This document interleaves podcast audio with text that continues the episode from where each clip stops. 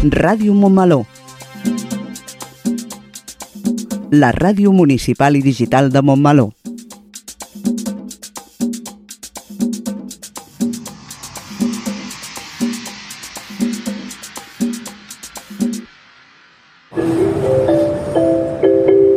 Propera parada, Montmeló.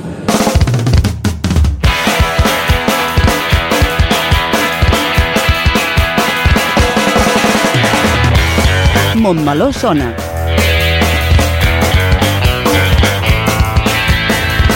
El magazín informatiu de Ràdio Montmeló.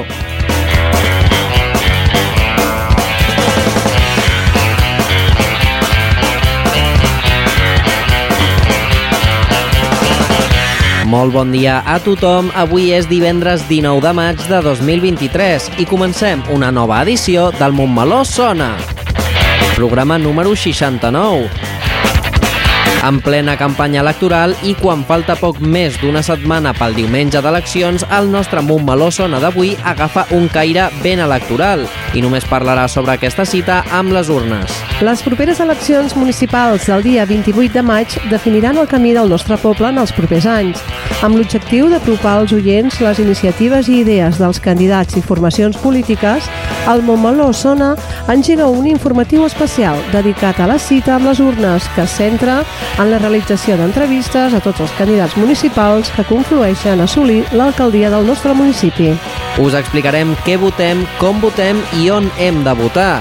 Aquí us deixem que ho decidiu vosaltres i per ajudar-vos a la darrera part del programa us presentarem els 5 candidats que es presenten per ser escollits alcaldes de Montmeló.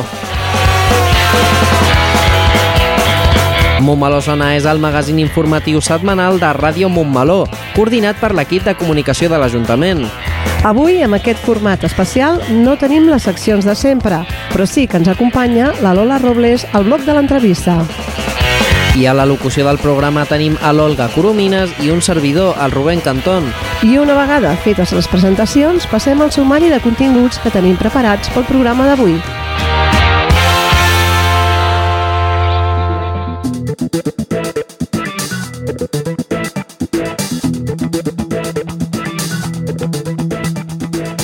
Comencem amb el nostre espai informatiu Crònica de Montmeló, on us donarem informació sobre la jornada electoral del 28 de maig. Seguirem amb la secció de l'entrevista, on la Lola Robles entrevistarà els candidats de les cinc formacions polítiques. Didac Santi Esteban per Junts per Montmeló, Albert Montserrat per Esquerra Republicana, Pep Benac per Fem Montmeló, Marcel Comas per Canviem Montmeló i Pere Rodríguez pel PSC Montmeló. Acabem recordant-vos altres cites electorals del nostre municipi. I com ja sabeu, tot això i alguna cosa més és el que trobareu al Montmeló Sona d'avui, 19 de maig de 2023.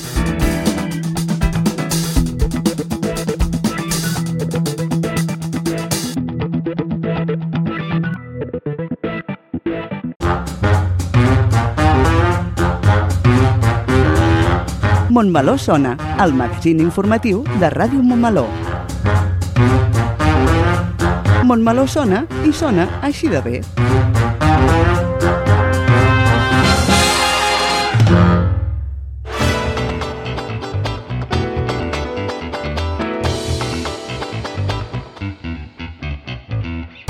Entrem en el nostre bloc informatiu Crònica de Montmeló, que tal com us hem explicat en el sumari servirà per parlar-vos de la jornada electoral del proper diumenge 28 de maig on tota la ciutadania està convocada a votar i a escollir qui vol que sigui el seu alcalde pels propers 4 anys.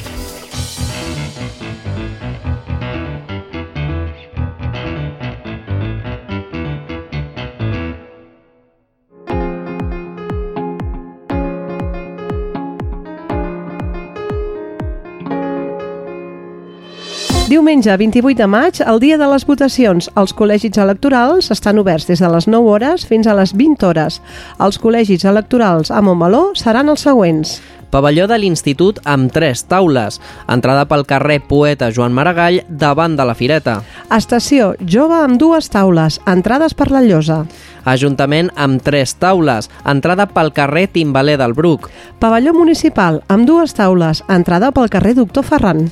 Sala polivalent amb dues taules, entrada pel carrer Vial de Ronda, tot i que també estarà obert l'accés pel carrer de Folk i Torres. La mesa electoral està formada per tres persones, la que ocupa la presidència i les dues que fan de vocals. Quan exerceixin les seves funcions com a tals durant la jornada electoral, tenen dret a una dieta de 70 euros, permís retribuït durant el dia de la votació, si és laborable, i una reducció de 5 hores en la jornada de treball l'endemà de les eleccions, en cas de treballar per compte d'altri i en el cas de ser personal funcionari. Per garantir la constitució de la mesa, per a cadascuna d'aquestes persones s'han designat dos suplents. A les 8 del matí del dia de la votació han de ser presents al local electoral les tres persones que integren la mesa i els suplents. Un cop constituïda la mesa, les persones suplents que no hagin hagut de substituir les titulars poden abandonar el local electoral. Podran sol·licitar a la mesa un justificant d'assistència i hauran d'estar localitzables durant la jornada per si calgués substituir algun dels titulars. Les persones que formen les meses electorals van ser escollides mitjançant sorteig celebrat en un plenari extraordinari el passat dia 2 de maig. Al llarg d'aquesta setmana s'han repartit els diferents nomenaments. Les persones nomenades, que no poden complir les seves funcions, han presentat al·legacions davant la Junta Electoral que les ha resolt. En cas de resolució positiva, han hagut de ser nomenats nous càrrecs. Un cop constituïdes les meses electorals, a les 9 hores del matí s'obren els col·legis electorals i s'inicia la jornada electoral. Cada votant s'acostarà a la mesa i indicarà nom i cognoms. Els vocals han de comprovar la identitat de cada votant. Per comprovar la identitat, sol·licitaran qualsevol dels documents següents el document nacional d'identitat, el passaport en fotografia, el permís de carnet de conduir en fotografia o la targeta de residència en el cas de persones estrangeres o ciutadanes de la Unió Europea que la tinguin. Aquests documents poden ser espanyols o emesos pel país d'origen, sempre que incloguin la fotografia de la persona titular. S'acceptarà la presentació d'aquests documents encara que estiguin caducats, però han de ser els originals, en cap cas fotocòpies. Un cop comprovat que la persona que vol votar està inclosa a la llista del cens, podrà emetre el vot. A Montmeló, aquest 2023, concorren 5 formacions polítiques. A les 20 hores es tanquen els col·legis electorals. Un cop introduït a les urnes el vot per correu i hagi votat la mesa, s'iniciarà l'escrutini. L'escrutini és públic i, per tant, es permetrà l'accés de la ciutadania als col·legis electorals per tal que puguin assistir-hi. Un cop finalitzat l'escrutini i quadrades les taules, és a dir, que el nombre de vots emesos és igual al nombre de votants que han acudit a aquella taula, es publiquen els resultats a la porta del col·legi electoral. A cada col·legi electoral hi ha un representant de l'administració que ajudarà en totes aquelles tasques que els membres de la mesa electoral necessitin i que centralitzarà les dades i tramitarà al Ministeri per tal que puguin ser recollides i publicades al finalitzar la jornada. Amb tots els vots escrutats i aplicant la llei d'ONT, es coneixen les 13 persones que constituiran l'Ajuntament de Montmeló. La llei d'ONT és el procediment matemàtic que s'utilitza per distribuir els escons entre les candidatures a partir dels vots. És un dels procediments anomenats proporcionals. Per a cada circunscripció electoral, els vots obtinguts per les candidatures es divideixen per una sèrie contínua de nombres naturals, 1, 2, 3 i següents, anomenats divisors. Els escons s'atribueixen segons les magnituds dels quocients obtinguts. El nombre de regidors que formen cada ajuntament va en funció del nombre d'habitant i a Montmeló corresponen 13. Després de resoldre reclamacions o recursos que puguin sorgir, els resultats oficials es publiquen al BOE. Dissabte 17 de juny se celebra el ple de constitució dels nous ajuntaments i són els 13 regidors i regidores els que trien l'alcalde o alcaldessa per la propera legislatura. Hores d'ara no sabem qui serà, però el que sí podem assegurar és que Montmeló tindrà un alcalde els propers 4 anys.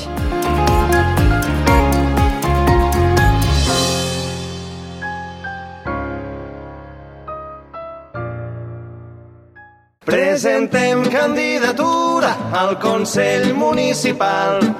Serem un govern d'altura, el govern més animal que vingui tota la penya, ningú hi pot faltar. Au, vinga, anem per feina, que això acaba de començar. I es fa saber el poble que balla, que ja arriba la canalla, i no cal ser tamborinot, si no els hi dones el teu vot. Ells no venen a fer panxa, que ells ens portaran la marxa i el remei contra la por.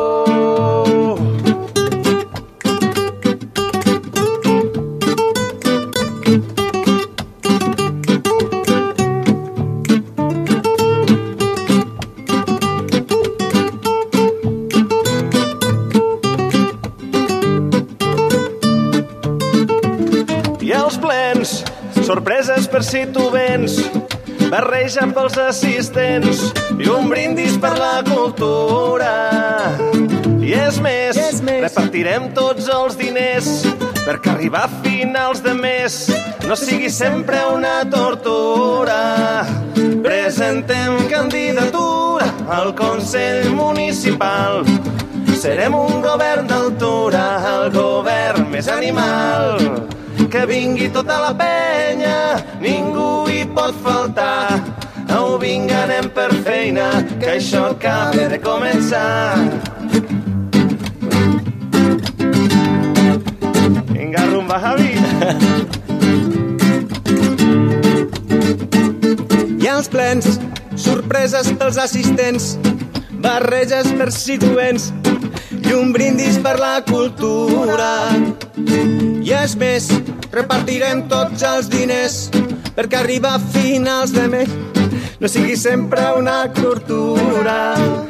Presentem candidatura al Consell Municipal. Serem un govern d'altura, el govern més animal.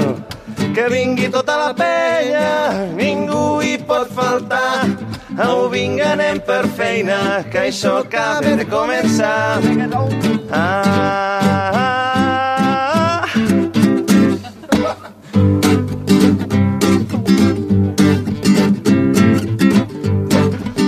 Ahora me toca a mí. Si fas la llei, jo legalitzo. Si tu confies, jo ja m'organitzo. L'equip perfecte per marcar ritme. La fórmula és aquí, només falta l'himne. Ha arribat l'hora d'animar la política. Dosi perfecta entre vots i autocrítica. Respectem candidatura, desbloquejant la cultura. Candidatura al Consell Municipal. Quin cachondeo. Serem un govern d'altura, el govern més animal. Que vingui tota la penya, ningú vinga, anem per feina, que això acaba de començar. Ah, ah, ah.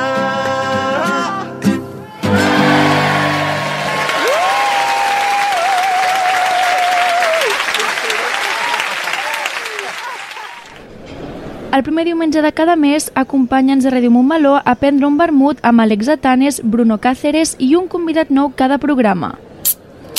Un vermut con, el primer diumenge de cada mes a Ràdio Montmeló.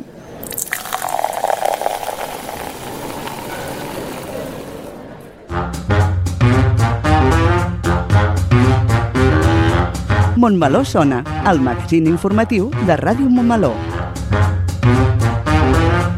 Montmeló sona i sona així de bé.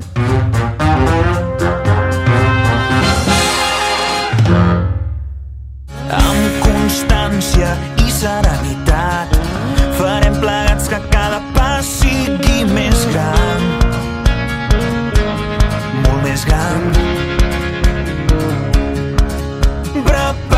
Donem pas ja a la primera entrevista d'aquest especial eleccions municipals amb el candidat de Junts per Montmeló, en Didac Santi Esteban. Bon dia, senyor Santi Esteban. Bon dia, Lola. Gràcies per estar aquí amb nosaltres. A vosaltres. Per què es presenta a les eleccions municipals com a cap de llista de la formació política Junts per Montmeló i quina candidatura presenten? Doncs mira, em presento per Junts per Montmeló perquè és l'espai polític eh, on les meves idees s'hi troben d'alguna manera reconegudes i perquè se'm va donar l'oportunitat, evidentment, per part dels companys, això no ho decideix un mateix, de ser-ne el, el cap de llista, no? Des de Junts per Montmeló pensem que Montmeló doncs, necessita eh, una sèrie de millores i aquesta vegada portem una candidatura i un programa que creiem que pot ser molt potent de cara a fer-ho realitat. La meva candidatura es composa de fins a 23 persones, que és el màxim legal, una candidatura paritària amb persones que han estat en la política i persones que no ho han estat però que són referents en el municipi. Quines són les línies fonamentals en les quals es basa el projecte polític que presenten pel Montmeló dels propers anys i com tenen previst assolir-lo? Doncs mira, sobretot en el, nostre, en el nostre programa el que destaquem és la creació d'activitat econòmica, el suport al comerç local perquè volem que se'n surti ara i en el futur. També eh, prioritzem molt els temes de medi ambient, pensem que és important continuar amb la línia doncs, de les energies renovables, però sobretot també la cura dels espais naturals, que això creiem que amb el govern actual no està del tot eh, garantit, perquè plantegen doncs, una solució al problema de l'habitatge diferent a la que plantegem nosaltres. Ells parlen doncs, de grans promocions solucions urbanístiques en el poc espai que ens queda disponible i nosaltres, en canvi, eh, parlem d'abordar la problemàtica de l'habitatge en polítiques d'habitatge assequible, però defugint aquestes grans promocions urbanístiques, amb rehabilitació, amb canvi d'usos i també amb un correcte relleu generacional i, per tant, posant allò a full eh, la borsa, la borsa d'habitatge. Evidentment, també doncs, temes com la mobilitat, la cultura i els esports, que volem que estiguin al 100%, el civisme i la seguretat, que molta gent doncs, també ens en parla com una preocupació que Montmeló, doncs, evidentment, no és la primera, però que va creixent, val? i també doncs, atendre joves i grans, un ajuntament obert, i en el cas de Junts eh, per Montmeló, com no pot ser d'una altra manera, també aquest compromís amb la llengua i el país. Què considera diferenciador de la seva formació respecte a la resta de grups?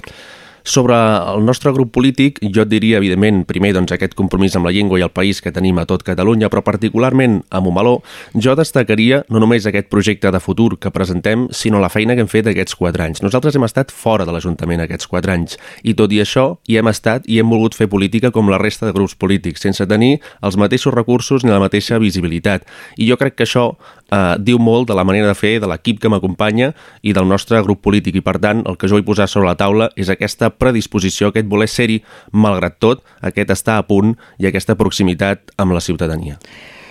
I de vostè com a candidat? Jo crec que puc aportar, evidentment, eh, idees noves, idees fresques com a candidat eh, més jove, però també, perquè de vegades sembla que ens n'oblidem, una experiència en el món del dret. Jo sóc graduat eh, en dret i en el món del medi ambient. Treballo eh, en, actualment a la Generalitat de Catalunya en el Departament d'Acció Climàtica i és un dels temes doncs, que, evidentment, en aquesta campanya política i en el món que tenim actualment eh, és important de, de destacar i de treballar-hi. En el cas de necessitar alguna força política per aconseguir l'alcaldia, en quina estarien disposats a fer pactes? Evidentment, les línies mestres eh, o les línies eh, vermelles són el nostre programa polític, no? i en cas que tinguéssim la possibilitat d'assolir l'alcaldia, pactaríem amb aquella formació política o aquelles formacions polítiques que estiguessin més d'acord amb el nostre programa.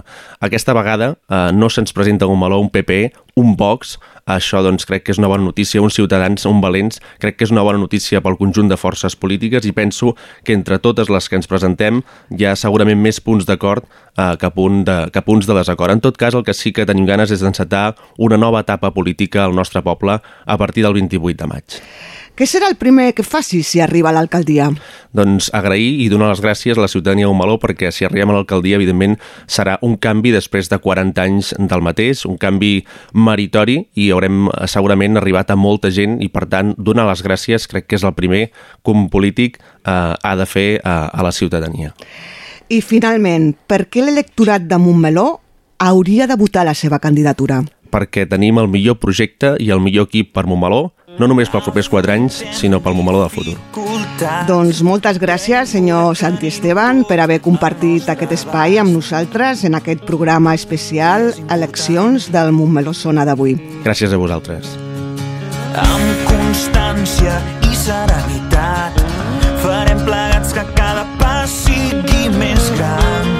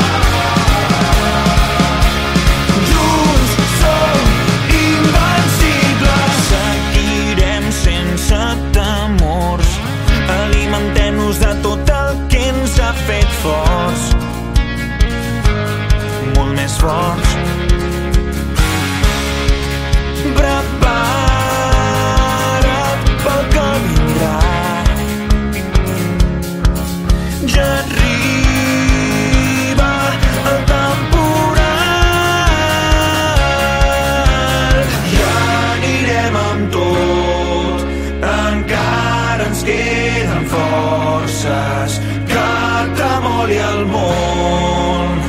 Jo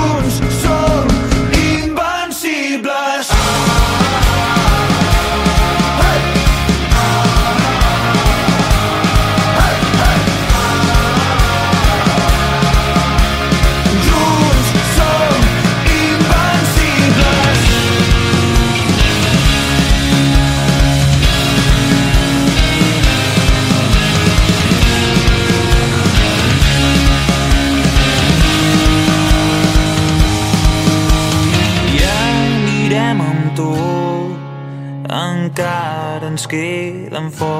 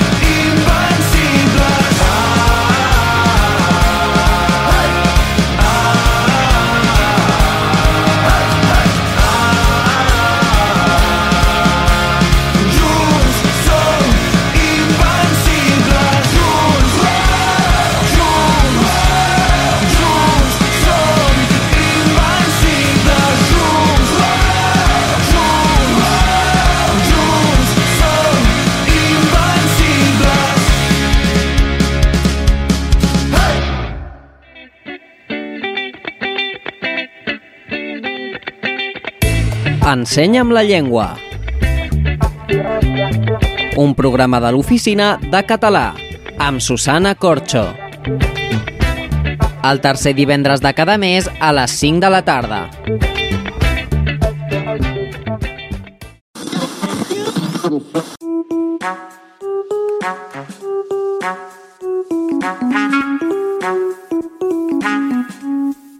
Ràdio Montmeló. La ràdio municipal i digital de Montmeló.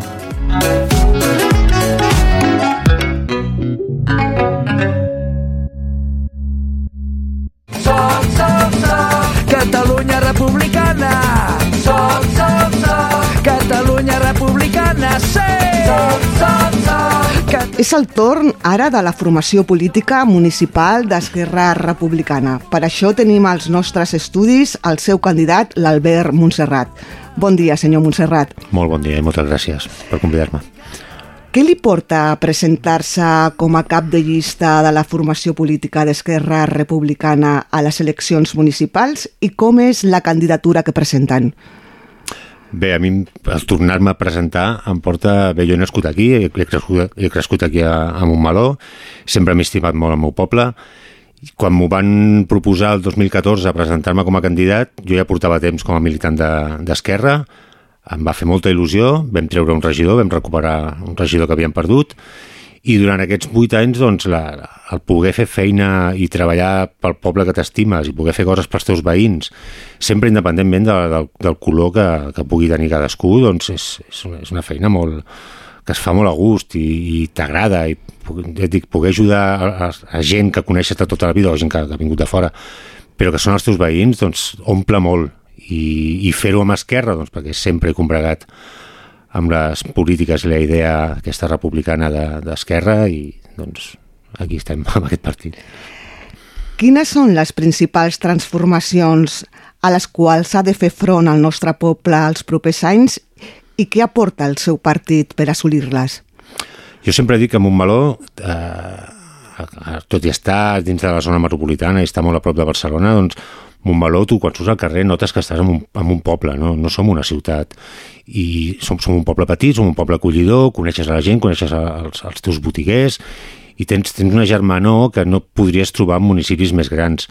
Un dels reptes que tenim a Montmeló, doncs, eh, que en parla tothom, totes les formacions, és la manca d'habitatge, tant de propietat com de lloguer, i és un repte que hem d'afrontar, ens hem de seure, l'hem de parlar i l'hem d'estudiar molt bé perquè Montmeló és un municipi molt petit, amb molt poc terreny on construir, i, i hem de tenir molta cura de, de quin creixement volem pel nostre municipi. Està clar que, que calen aquests pisos, però s'ha de mirar de quina forma els fem i en, i en quin tempo.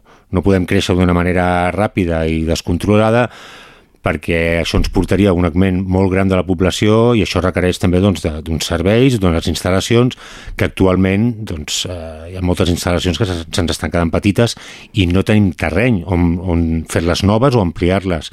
S'ha de tenir molta cura. Eh, S'han aprovat en aquesta legislatura prop d'uns 350 pisos, que crec que amb això podem fer front doncs, a aquesta manca de d'habitatge, però hem de tenir en compte que 350 pisos eh, poden ser un mínim d'unes 1.000 persones. Estem parlant d'un mínim també d'uns 350 cotxes. A dia d'avui ja tenim problemes de mobilitat, problemes d'aparcament, i això ens pot agravar doncs, aquests problemes. Crec que s'ha de, d'estudiar molt bé, s'ha de tenir molta cura de com ho fem i quan ho fem.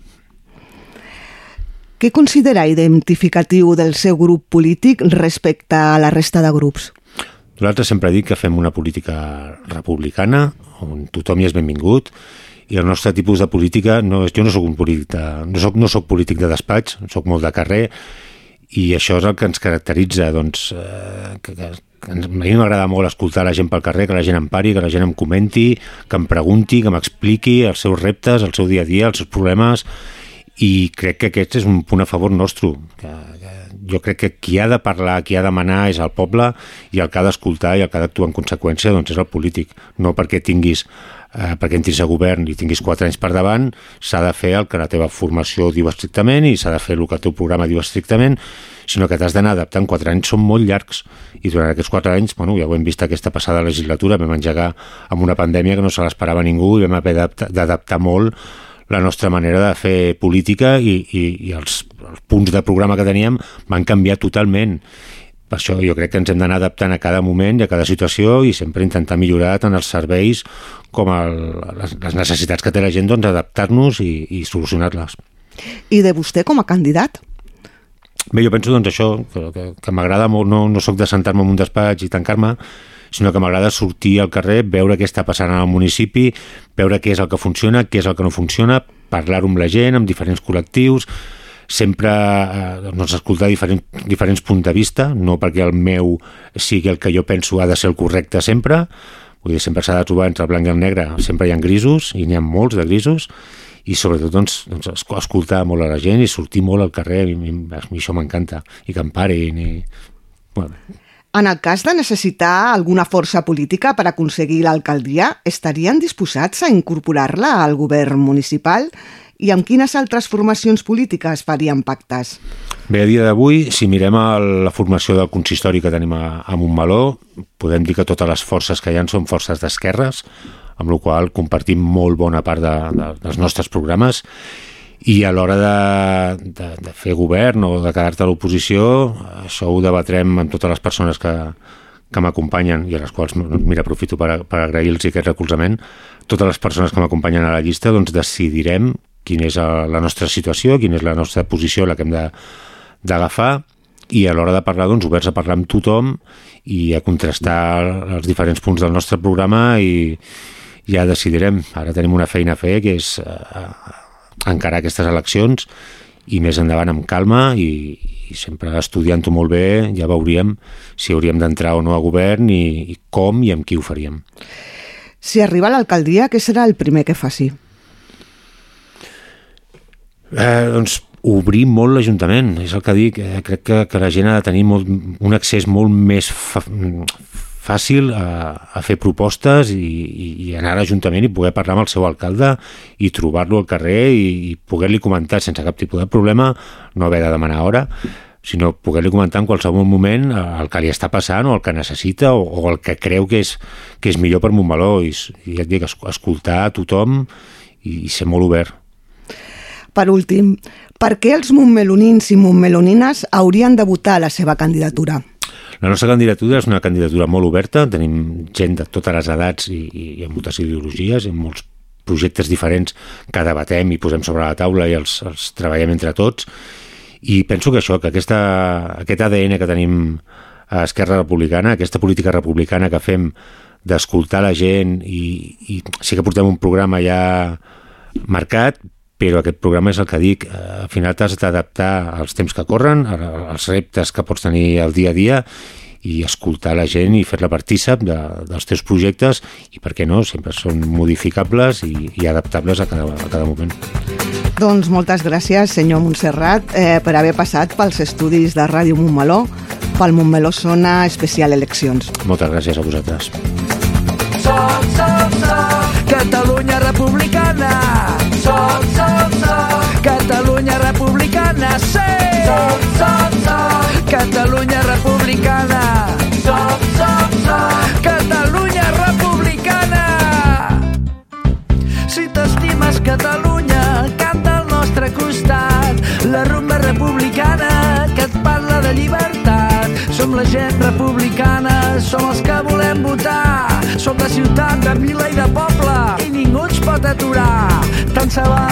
Ets de l'Ebre com si ets del Llobregat. a la terra que més estimes, tu també és convidat. Som terra d'acollida, no ho podem oblidar. Catalunya és casa nostra, la nostra llengua el català. Som, som, som, Catalunya republicana. Som, som, som, Catalunya republicana. Sí! Som,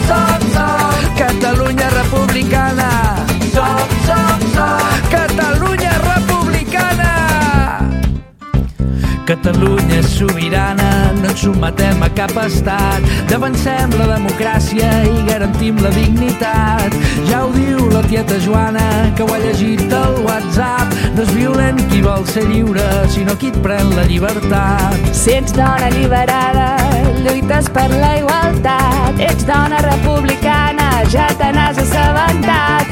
Les dones republicanes sempre ens fem respectar. Som lliures i poderoses, plantem cara al patriarcat. Som, som, som, Catalunya republicana.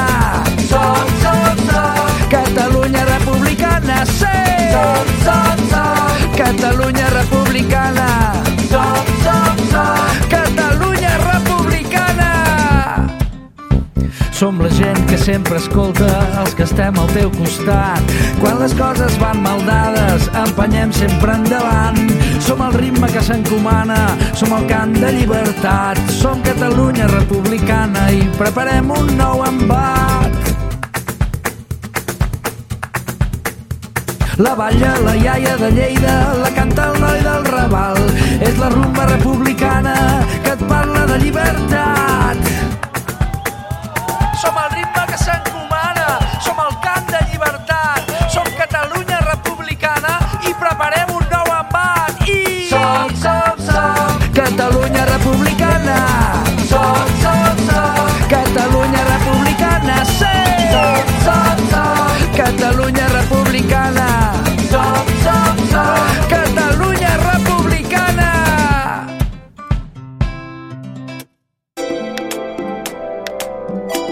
Gran gent gran. El magazín del col·lectiu de pensionistes. El dia 1 de cada mes a Ràdio Montmeló.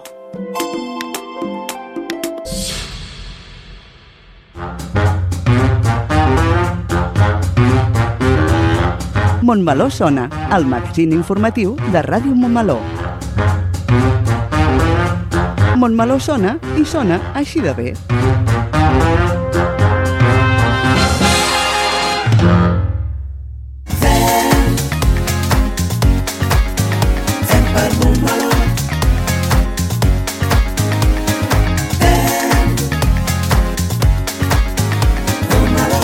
Continuem amb aquest programa especial eleccions municipals amb més entrevistes als candidats a l'alcaldia de Montmeló. I tenim amb nosaltres ara el senyor Pep Benac, cap de llista de la formació política Fem Montmeló. Bon dia, senyor Benac. Bon dia. Vostè es presenta a l'alcaldia com a candidat del grup polític Fem Montmeló. Per què? I quins són els montmelonins i montmelonines que l'acompanyen? Doncs mira, això per què és molt senzill. O sigui, nosaltres sorgeix aquest projecte des de fa al voltant de 5 anys, que ens vam trobar amb una, o vam detectar una necessitat aquí en el municipi de Montmeló, en, sobretot en el, en el moviment polític, eh, el fet de, de donar una opció diferent a la ciutadania de Montmeló. Aquest projecte va sorgir de la ciutadania, de comentaris i de trobades, i d'aquí ens van constituir amb l'objectiu de poder-nos presentar a les anteriors eleccions i tot just ens van poder constituir per, per presentar-nos i els resultats al final van ser molt bons en treure dos regidors. I està clar que el nostre projecte és totalment municipal i per això ens sentim totalment integrats. Per tant, la llista, les persones que portem en el nostre projecte són gent que ha volgut participar voluntàriament totalment, o sigui, no ha sigut gent buscada per poder tindre una llista, sinó que han sigut participatives i porten durant tots aquests anys treballant cada dimarts de, de la vida municipal. Quins són els assumptes que creu preocupen els veïns i veïnes del nostre poble que vostès incorporen en el seu programa i com tenen previst fer-los front? Uh, nosaltres hem detectat segurament uh, tres aspectes importants, uh, destacables, que són sobretot de cara a la gent jove. Hem vist una mancança uh, política a la gent jove aquests últims anys i, i això s'està notant. S'està notant tant no només per, pel fet de que els joves ens marxen del poble, per tant el poble se'ns està envellint, i crec que hi hem de posar-hi remei. I això segurament passa per, per tindre vivenda, vivenda pública amb, amb un preu assequible, sobretot amb un preu eh, òptim i sobretot del lloguer eh, social i orientat cap als joves, però també passa per, per eh, la participació d'aquests, de, de tindre un, un ventall d'espais de, lúdics i, i de trobades internacionals també per conèixer de la vida associativa i cultural i, i, i social del poble. I per una altra banda, el que també hem detectat és el, el fet de, de la participació, de la transparència en la participació, eh, de les maneres de fer diferents que pensem que, que es poden fer en, en política, o sigui, pensem més en les persones que potser en fer eh, actuacions a nivell amb resultats, només pensant en els resultats electorals. Nosaltres pensem que si, si és bo per un s'ha de fer, tingui les conseqüències que tingui i encara que vagi en contra en les properes eleccions municipals. Què considera diferenciador i identificatiu de la seva formació respecte a la resta de grups? Home, està clar que sobretot eh, ser una formació municipal i totalment municipal, o sigui, aquí tots els recursos, els esforços els posem nosaltres directament. Eh, com hem comentat abans, nosaltres ens vam constituir com a grup municipal i això ens ha portat una despesa econòmica que hem afrontat eh, els integrants de, de, de, de, de la formació en el seu principi i, i, i ara gent que ens aporta també el seu recurs econòmic i de temps, que és molt important. Això és una part totalment diferencial que altres eh, formacions no tenen i la visió sobretot de eh, diferent a fer que cadascú pot opinar i dir el que realment pensa. O sigui, pensem que tots, tothom és escoltat a la nostra eh, en, en el nostre grup i tot el que fem és, és consensuat i votat en assemblea. I de vostè com a candidat?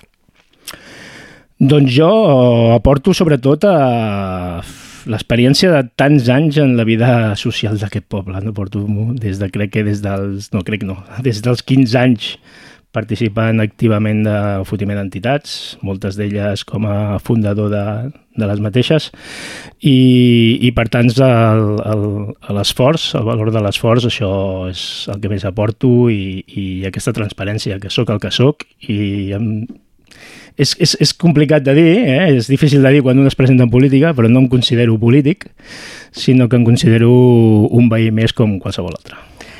En cas de necessitar alguna força política per assolir l'alcaldia, està disposat a incorporar-la al govern municipal i amb qui estarien disposats a fer pactes? Com, com bé eh, t'he comentat, o sigui, nosaltres fent som una, un grup eh, que és totalment assembleari. Nosaltres, per molt que jo pensés ara en, en, en un possible pacte o en qui podria arribar a pactar a nivell personal, eh, això al final és qüestió de l'assemblea i es decideix per assemblea. No estem tancats a ningú, tot el contrari. Portem quatre anys dins de l'Ajuntament amb, amb oposició, però amb oposició constructiva. Ens hem ofert cada vegada a treballar i a participar i si ens haguéssim pogut deixar fer més, més ho haguéssim fet. I de, de forma totalment voluntària, perquè és que estem per el que estem i estem per, hem vingut per, per això, o sigui, no, no, no ho entenem d'una altra manera i per tant eh, estem oberts a, a sobretot això, a parlar i a dialogar. Si arriba a l'alcaldia, què serà el primer que faci? Home, uh, és complicada aquesta pregunta, no? però sobretot eh, començar a impulsar i, i, i el canvi sobretot pel fet de les noves formes de fer que pensem que es poden fer. O sigui, és analitzar realment, no només a nivell de ciutadania, sinó dintre també de l'Ajuntament, eh, analitzar que, com estan les persones, com treballen les persones, com, com la vida social del poble també està canviant i analitzar tota aquesta nova manera de fer que pensem que ens hem d'adaptar i adequar a, a aquestes noves formes. Jo penso que aquesta crec que hauria de ser la primera feina a fer és, com he comentat abans, eh, fer, fer feina per les persones. I per últim, eh, per què l'electorat de Montmeló hauria de votar la seva proposta? Doncs com us he comentat, al final és una nova manera de fer, som una formació relativament nova, eh, tenim aquesta frescura, aquesta frescor i, i això és, és molt important. Pensem que és molt important. Eh, i més després de, dels anys que, que portem amb altres formacions en la política municipal, que hem detectat que al final són maneres de fer enquistades i pensem que, que cal, cal obrir altres mirades, altres visions, i, i sobretot el fet de, de treballar, de treballar conjuntament i, i, i de portar el que és la política municipal a, a peu de carrer, o sigui, baixar el nivell, baixar el to i ser realistes on estem, en quin poble estem i treballar conjuntament al final en benefici del poble. Doncs moltes gràcies, senyor Benac, per haver passat pels micròfons de Ràdio Montmeló i apropar als oients la seva proposta política a les eleccions municipals. Moltes gràcies.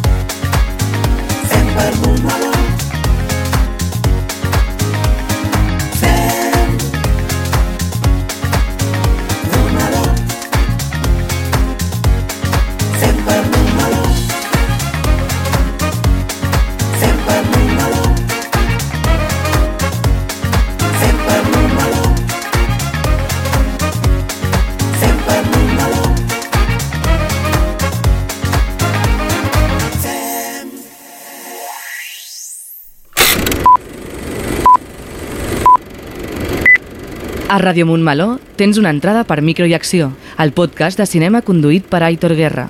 Micro i Acció, cada dimecres a les 12 del migdia.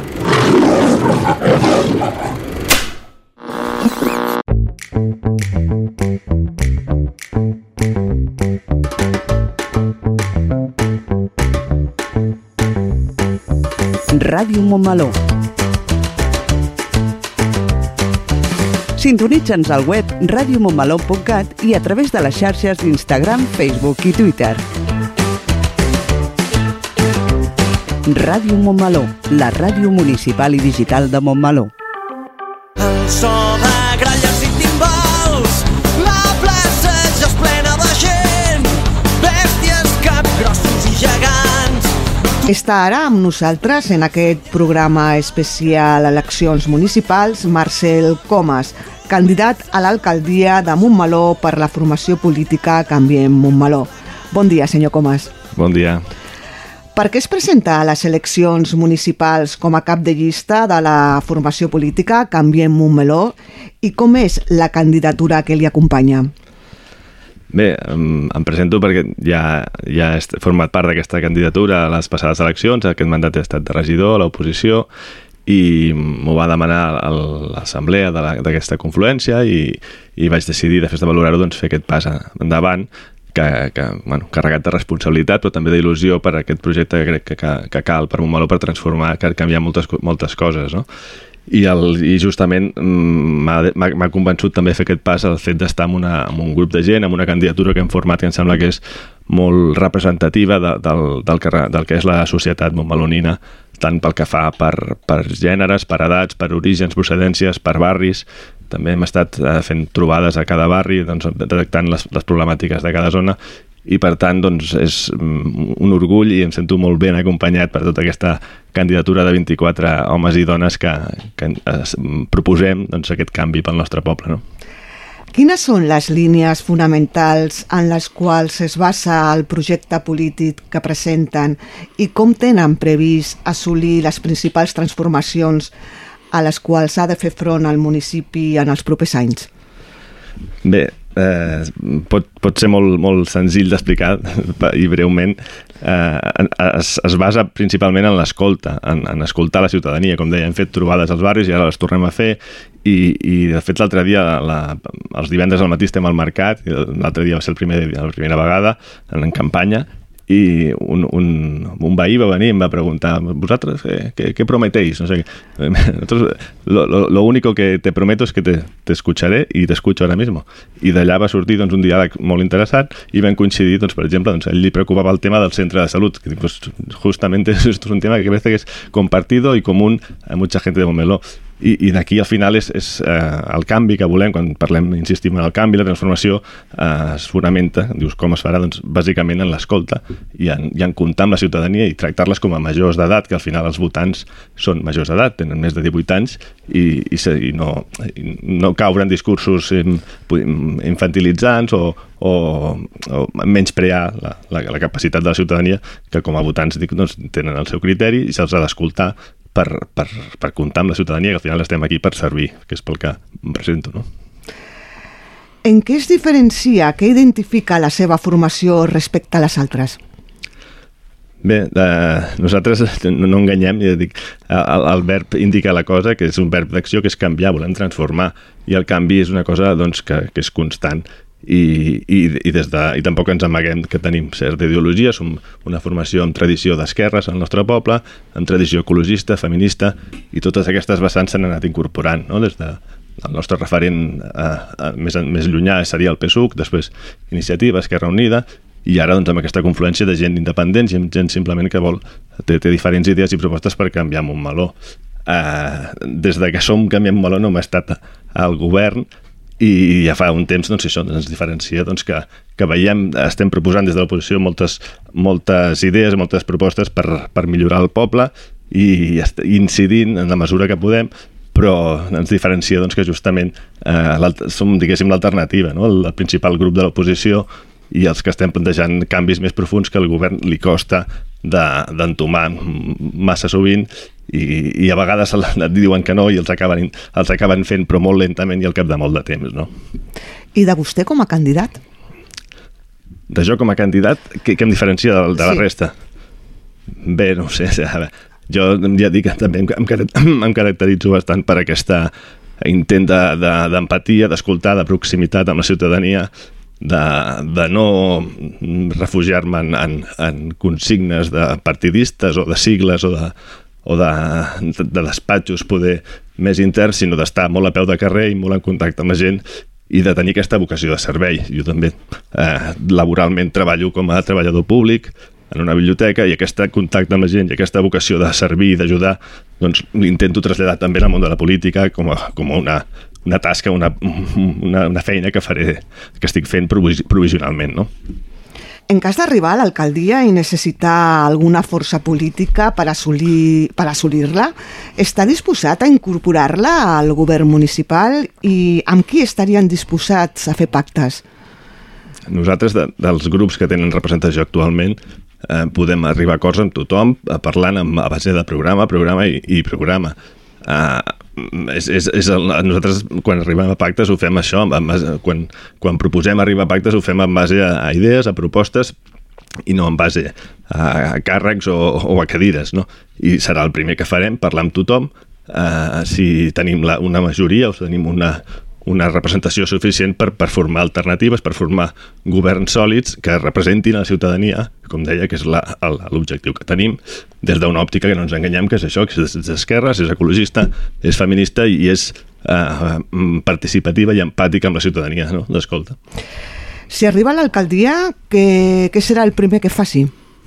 el primer que farem és, és justament el, el que deia, parlar amb la resta de forces polítiques en base al programa de cadascuna i mirar d'arribar a acords i també explicar a la ciutadania doncs, quines, quines propostes creiem que són comuns a totes les forces polítiques i que s'haurien de ser prioritàries. Em sembla que abans parlava d'un veí que se'n va costar el, el tema de, de la salut pública és bàsica en qualsevol estat, en qualsevol democràcia la salut i l'educació han de ser pilars bàsics i, i no podem permetre que ens les retallin i, i el tema de, ser, de certs serveis públics que s'estan en perill han de ser prioritaris i em sembla que haurien de ser a la, doncs, que ens haurien d'unir a tots, a, tant partits com a ciutadania, per defensar-los perquè sense, sense educació i sense salut eh, públiques doncs no estem garantint un, un dels pilars això de- d'un estat del benestar no? que hauria de ser eh, també a Montmeló. I per acabar, per què l'electorat de Montmeló hauria de votar la seva candidatura? Doncs eh, l'electorat de Montmeló jo li, li diria que, que votés, o li diria els que no volen que no canvi res, no, no, no cal que ens votin, però no enganyem, els que, els que es prefereixen, que creuen que Montmeló és el millor dels pobles possibles i que, i que voldrien quedar-se exactament igual com està i que, i que veuen que tot va meravellosament, no caldria que, que ens votessin. Aquells que vegin coses a millorar, aquells que vegin coses que caldria canviar, doncs, doncs els hi dic, els hi des d'aquesta ràdio els, els, els encomano doncs, que, que facin aquest, aquest vot de confiança en Canviem Montmeló, que, que escoltarem, com deia, a la ciutadania per, per intentar recollir tots aquells canvis, aquelles propostes de, de transformació que creiem que sí que cal al nostre poble perquè hi ha moltes coses que sí que, que es, poden, es poden millorar. Els del Vir- Virgencita, Virgencita, que me quede como estoy, i de Más vale malo conocido que bueno por conocer, aquests no cal que ens votin, però els que s'atreveixin a, a mirar, mirar de, de millorar el nostre poble conjuntament, doncs aquests sí que els animo a que facin aquest vot de confiança en canvi amb un meló. Doncs moltes gràcies, senyor Comas, per haver participat en aquest programa especial Eleccions Municipals del Montmeló Sona d'avui. Gràcies a vosaltres i seguim la feina que feu tan bona aquesta ràdio. El so de gralles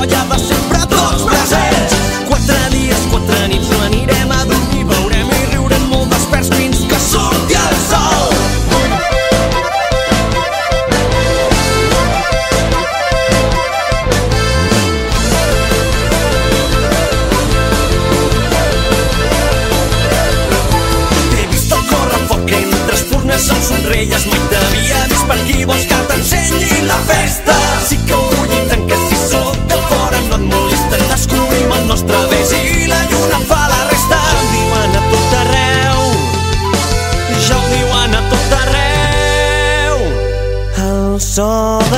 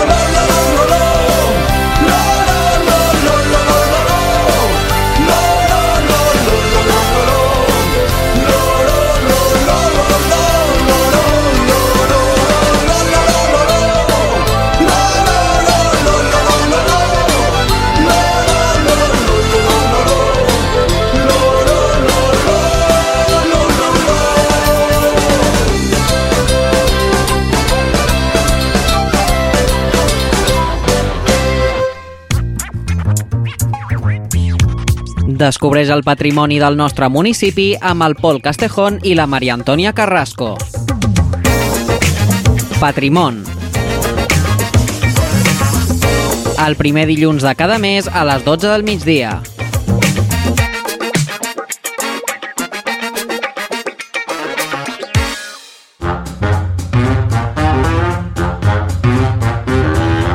Montmeló sona, el magazín informatiu de Ràdio Montmeló. Montmeló sona i sona així de bé.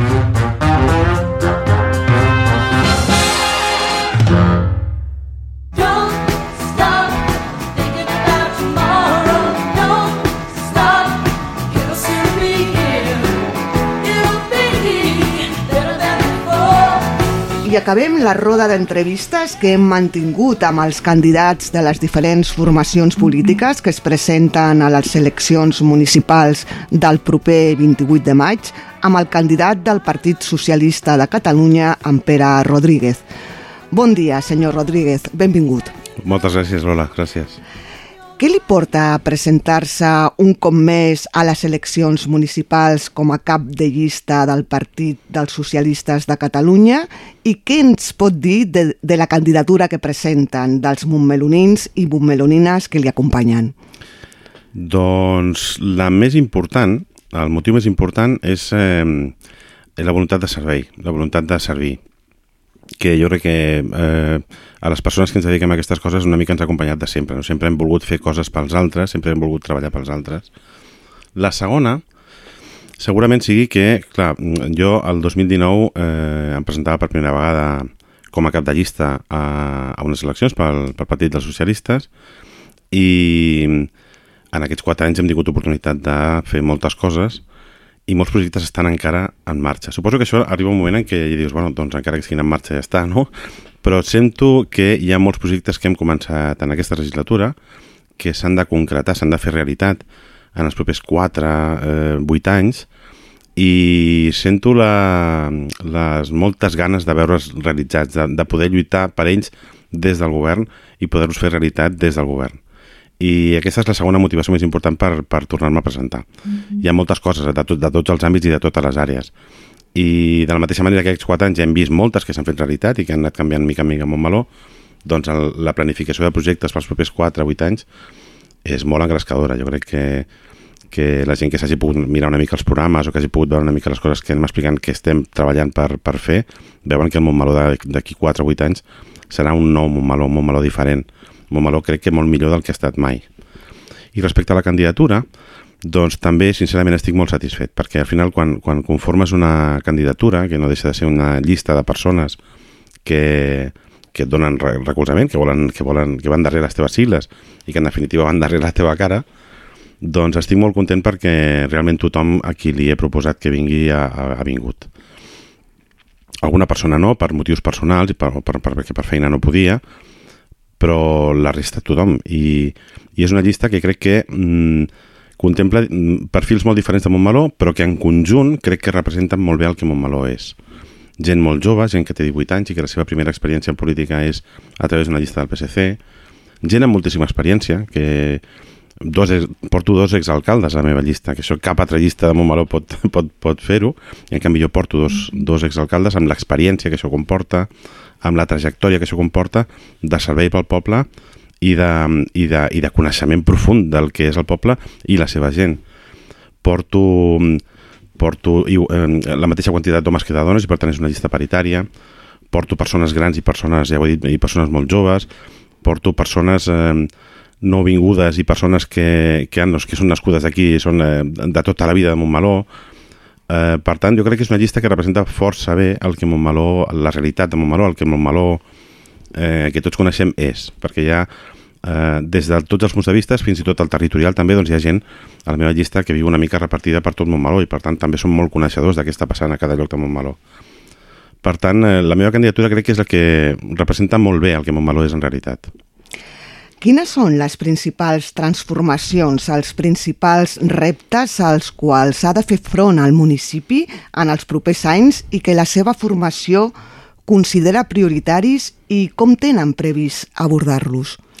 Doncs, eh, home, hi ha alguns que són coneguts, tot i que en els últims, jo crec que sis mesos hem aconseguit donar-los encara un tom més i fer-los encara més propers. Un primer és eh, l'àmbit de soterrament, la- l'urbanització de la segona fase del soterrament, i aquí hem avançat molt. De fet, eh, bueno, us explicaré com està la cosa perquè ja podíem haver signat el conveni, no l'hem signat perquè la Generalitat eh, vol una sèrie de, de garanties que s'han de produir de tota manera, però que, bueno, fins que no les tingui no, no ha volgut que signéssim el conveni. Però um, recordeu que aquesta és una obra que ha de pagar l'Estat, d'acord amb l'adenda del protocol de l'any 2010 va a càrrec dels, dels fons de l'addicional tercera de l'Estatut, és a dir, els diners que l'Estat ha de transferir a la Generalitat per inversió en infraestructures, i, eh, i això ja està compromès que és així, a més ara com tothom sap, ja s'estan fent transferències de diners a càrrec de l'addicional tercer de l'Estatut de l'Estat a la Generalitat per inversió en infraestructures. Um, però la Generalitat vol la seguretat de que de les quantitats que s'estan transferint, la quantitat exacta, que són 3 milions d'euros aproximadament, que comporta l'àmbit de soterrament, és a dir, que de les partides una porti el nom de tal. Però, però fixa't que és una qüestió que ja està pactada en el pacte de pressupostos entre PSC i Esquerra per la Generalitat i és una qüestió que està pactada a pressupostos generals de l'Estat. Per tant, és que és una cosa molt evident que ha de succeir en qüestió de setmanes. El conveni està redactat, um, està, estem d'acord totes les parts, el Ministeri de, de Transports, la Generalitat i l'Ajuntament de Montmeló, i tenim el conveni esperant que ens diguin vinga, va, signem. Jo crec que aquí també ha tingut alguna cosa a veure les eleccions, no? que ningú ha volgut eh, fer-ho abans d'hora o abans d'hora, o abans... O, o, bueno, que, que, crec que no han volgut visualitzar aquesta signatura abans de municipals. Al final, el joc polític serveix per, per totes les bandes, no? Però dintre d'aquest conveni hi ha un canvi molt important, i és que la Generalitat transferirà a l'Ajuntament de Montmeló aquests 3 milions d'euros i serem nosaltres els que ens farem càrrec de la licitació de l'obra, la qual cosa ens donarà total control sobre l'execució del projecte. I, per tant, ja no estem subjectes a aquella proposta projecte que va fer INECO a través de DIF, sinó que ara serem nosaltres els que podrem executar la reforma de la segona fase de l'àmbit de soterrament que vulguem. I això és molt positiu. I això es de produir en breu, en molt breu. És que, de fet, no descarto que es pugui produir encara estan en eleccions, encara estan en campanya, perquè és una cosa que ja teníem molt preparada. Una segona transformació molt important, i aquesta crec que transformarà el centre del poble de manera definitiva, és la urbanització de la plaça Gran, la transformació Gran, la integració amb la plaça de la Vila, que he sentit, he sentit alguna gent que em diu però llavors aixequeu la plaça Gran? No, la plaça Gran no s'aixeca, la plaça Gran està com està i per tant el que es fa és que desapareix el mur de l'Avinguda Pompeu Fabra i s'integra amb talusos amb la Rambla de Pompeu Fabra. I d'altra banda s'integra amb, la, amb la llosa, amb l'àmbit de soterrament. Fixa't, eh? aquests dos projectes que acabo d'esmentar, conjuntats, és a dir, la urbanització de la segona fase del soterrament i la reforma de la plaça Gran, la integració en plaça de la Vila, implica que tot, tot aquest centre del poble queda absolutament renovat. La nostra proposta és que en la, en la primera fase de, del soterrament puguem tenir una plaça porxada, una plaça coberta, com la que tenia Granollers com la que tenen altres pobles, que jo crec que és un espai a l'aire lliure però cobert, que a Montmeló li aniria molt bé al centre del poble per fer moltes activitats. Per exemple, aquests dies que està plovent, que plou, que no plou, que a estones plou i a estones fa sol, doncs a l'hora de programar activitats, per exemple, els clàssics dissabte ho van passar malament perquè no sabien què, què podien fer i què no podien fer.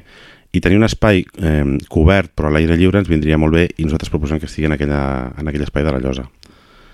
Altres transformacions molt importants són, per exemple, la construcció d'habitatge en dos àmbits, tres àmbits, si vols, eh, bastant immediats. Un és l'àmbit de l'escorxador, que de nou també enllaça amb aquesta llosa urbanitzada.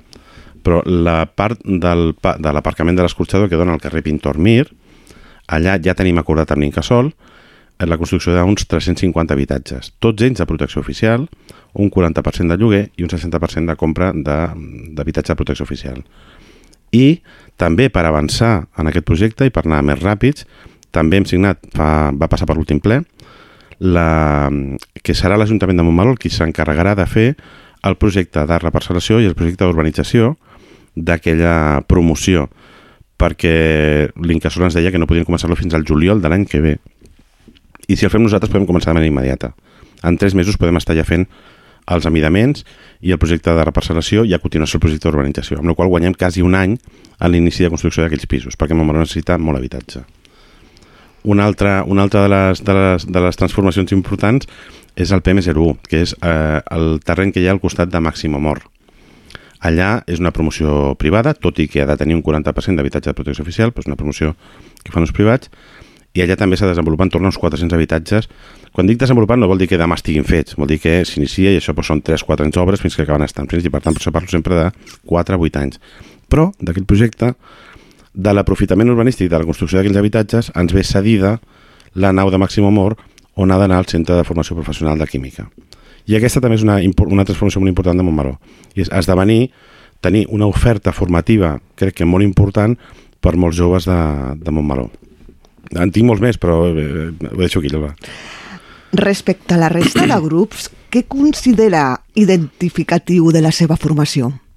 Uh, jo, crec que una de les diferències importants de la nostra candidatura respecte a les altres és que nosaltres tenim un coneixement profund de la realitat del municipi. Com dic, a la meva llista porto dos exalcaldes um, i, i, tenim, i coneixem, la gent ens coneix perfectament i nosaltres coneixem perfectament què passa al poble. Fa molta gràcia quan alguns, eh, quan alguns grups eh, diuen que surten a fer passejades pel poble i ens diuen que no coneixem la realitat. Però, escolta, però si, si estem tots els dies, jo no cal que surti a fer passejades pel poble, estic tot el dia al carrer i tot el dia parlant amb, amb gent del poble i per tant crec que tenim un coneixement com, com crec que ningú més té de la realitat de Montmeló en tots els seus àmbits i en totes les seves temàtiques. Jo crec que és aquest coneixement profund del que passa a Montmeló el que ens fa diferent de la resta d'opcions. Tenim a Montmeló al cap, tenim Montmeló al cap i, i i amb, amb, amb les persones que s'incorporen noves a la candidatura, per exemple, com a anècdota, eh? quan fem reunions, quan hem fet les reunions de programa, doncs eh, parles de carrers, parles de places, parles, d'espais, i una de les coses que et diuen, que a mi, jo recordo que a mi també em va passar quan començava, és que no, diu, ostres, aquest carrer no sé on està, o aquella plaça no sé on està. Nosaltres sabem, sabem on estan tots, absolutament tots. Eh, els coneixem un malo pam a pam perquè l'hem transformat pam a pam i per tant coneixem exactament, pots dir qualsevol carrer, qualsevol plaça de Montmeló, que sé perfectament on està, quan es va transformar, quins problemes té, què cal fer perquè ens passem el dia parlant amb els veïns. Jo crec que aquest, aquest seria el tret diferencial més important. I de vostè com a candidat respecte als altres candidats? Ui, això és una pregunta difícil, Lola. Jo, perquè, no sé, això ho haurien de dir els altres, no? Bueno, no, no, jo, jo intento ser sempre una persona eh, modesta i humil i a mi el que m'agrada és treballar pel poble. I, i just abans, quan, entrava, quan estàvem entrant a fer el programa, eh, t'ho he dit, em, em, preguntava si estava nerviós. No, nerviós no estic perquè jo al final sé que el que acabi passant el 28 de maig és el que la gent vulgui que passi i per això les urnes són inapel·lables, no, no, no se les pot contestar perquè el que surt de les urnes és el que la gent lliurement amb el seu vot secret i amb totes les garanties ha decidit. I així vull seguir sent i així vull seguir treballant. Jo vull continuar treballant amb normalitat, sent una persona el màxim honesta possible. No es pot arribar a tot, mai es pot arribar a tot, però arribant a tot allò que sigui possible i fent tot allò que sigui possible per la gent de Montmeló. Si necessiten alguna força política per aconseguir l'alcaldia, està disposat a incorporar-la al govern municipal i amb qui estarien disposats a fer pactes? Mm, jo crec que el, el PSC, el Partit dels Socialistes, històricament sempre ha demostrat que té voluntat d'incorporar el màxim de sensibilitats possibles al govern municipal. Sempre. Fins i tot tenim majories absolutes, sempre hem incorporat altres forces al govern municipal, perquè per nosaltres el que és important és que l'acció de govern sigui el més plural possible i incorpori el màxim de sensibilitats possibles a Montmeló. I per tant, sí, clar que sí. Sigui quin sigui el resultat del 28M, si som la força més votada, doncs, eh, com hem fet sempre, voldrem parlar amb totes les forces polítiques per veure quines coincidències de programa tenim i què podem desenvolupar junts. Perquè al final, i fins i tot aquesta legislatura, per exemple, que hem governat amb, amb Esquerra Republicana, però sempre que hem tingut l'oportunitat hem pactat amb la resta de partits eh, les propostes, pressupostos, eh, eh, ordenances, projectes... Per tant, la nostra voluntat sempre és pactista i d'incorporar al govern les màximes sensibilitats possibles. Què és el primer que farà si arriba a l'alcaldia? Doncs mira, signar, espero que signar el conveni d'urbanització de, de la segona fase del soterrament. Espero que sigui això la primera cosa. Estaria molt content. Finalment, per què els veïns i veïnes de Montmeló haurien de votar la seva candidatura? Jo crec que perquè al llarg dels anys hem demostrat, jo crec que aquesta legislatura, per exemple, ha estat un, un exemple, la, hem, hem viscut una pandèmia, hem viscut una guerra d'Ucrània, pujada de preus, però tot i així hem arribat a les eleccions havent complert el 95% del nostre programa electoral, tot i les dificultats que han estat enormes. Jo crec que la gent ens hauria de votar perquè crec que ells saben que som gent compromesa i que el que diu que farà és el que acaba fent. Que complim els nostres compromisos.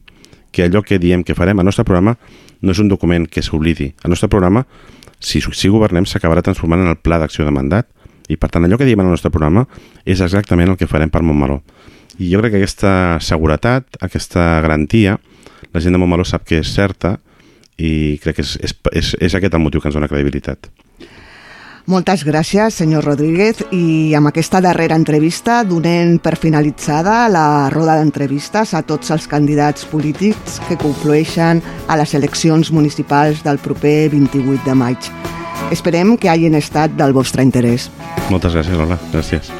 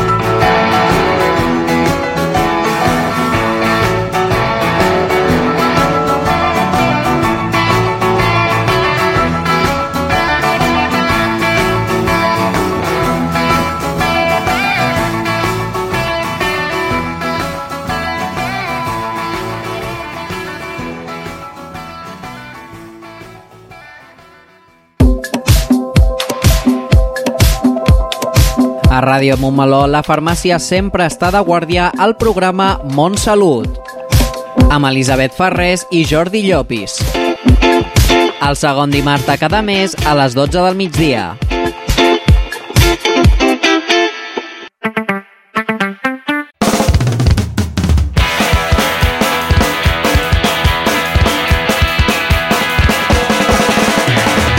I ja arribem al final del programa. Però seguint amb la nostra tònica electoral, recordar-vos un parell de cites.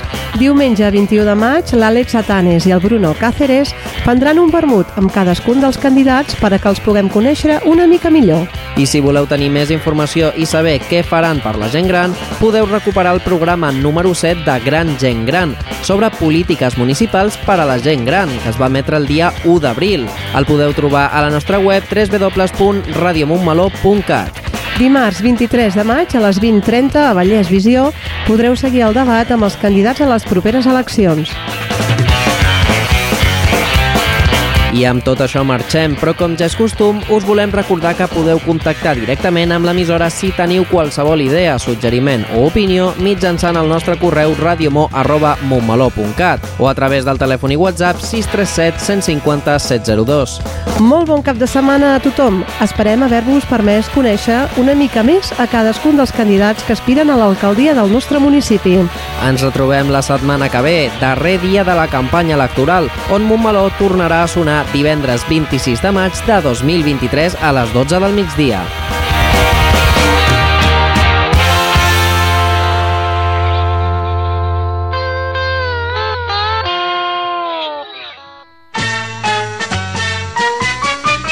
Que ens votin, que ens votin, que ens votin.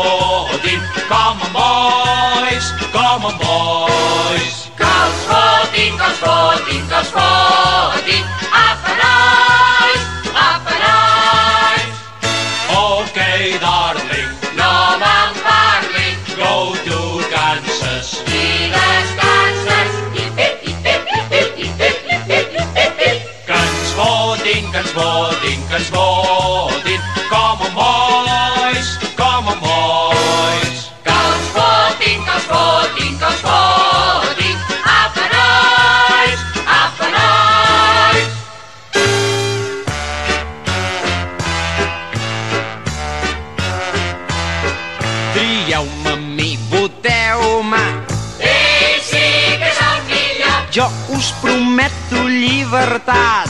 Ell sí que el millor. Tothom ha de ser lliure. Ell sí que el millor. Si algú no vol serà obligat. Ell sí que el millor.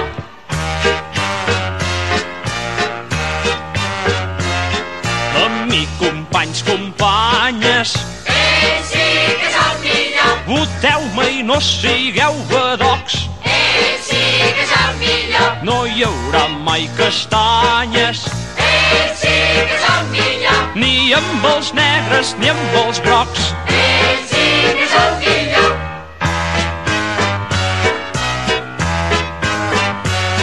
Deixeu-vos de punyetes, Ell sí que el millor. que si em voteu se us donarà Ell sí que el millor. salut i veles llargues. Això sense pencar. Ell sí que és el millor. Que ens votin, que ens votin, que ens votin. Come on, boys,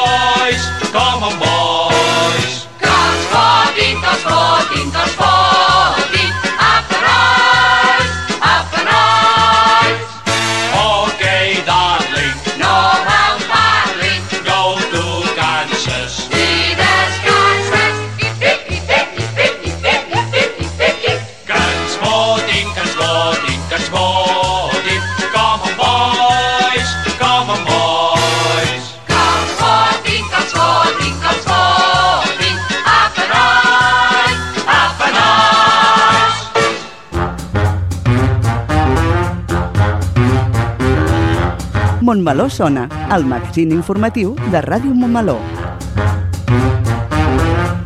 Montmeló sona i sona així de bé.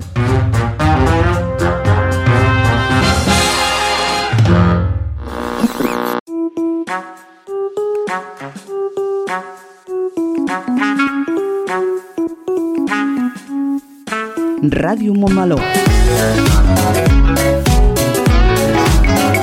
Sintonitza'ns al web radiomontmeló.cat i a través de les xarxes d'Instagram, Facebook i Twitter. Ràdio Montmeló, la ràdio municipal i digital de Montmeló.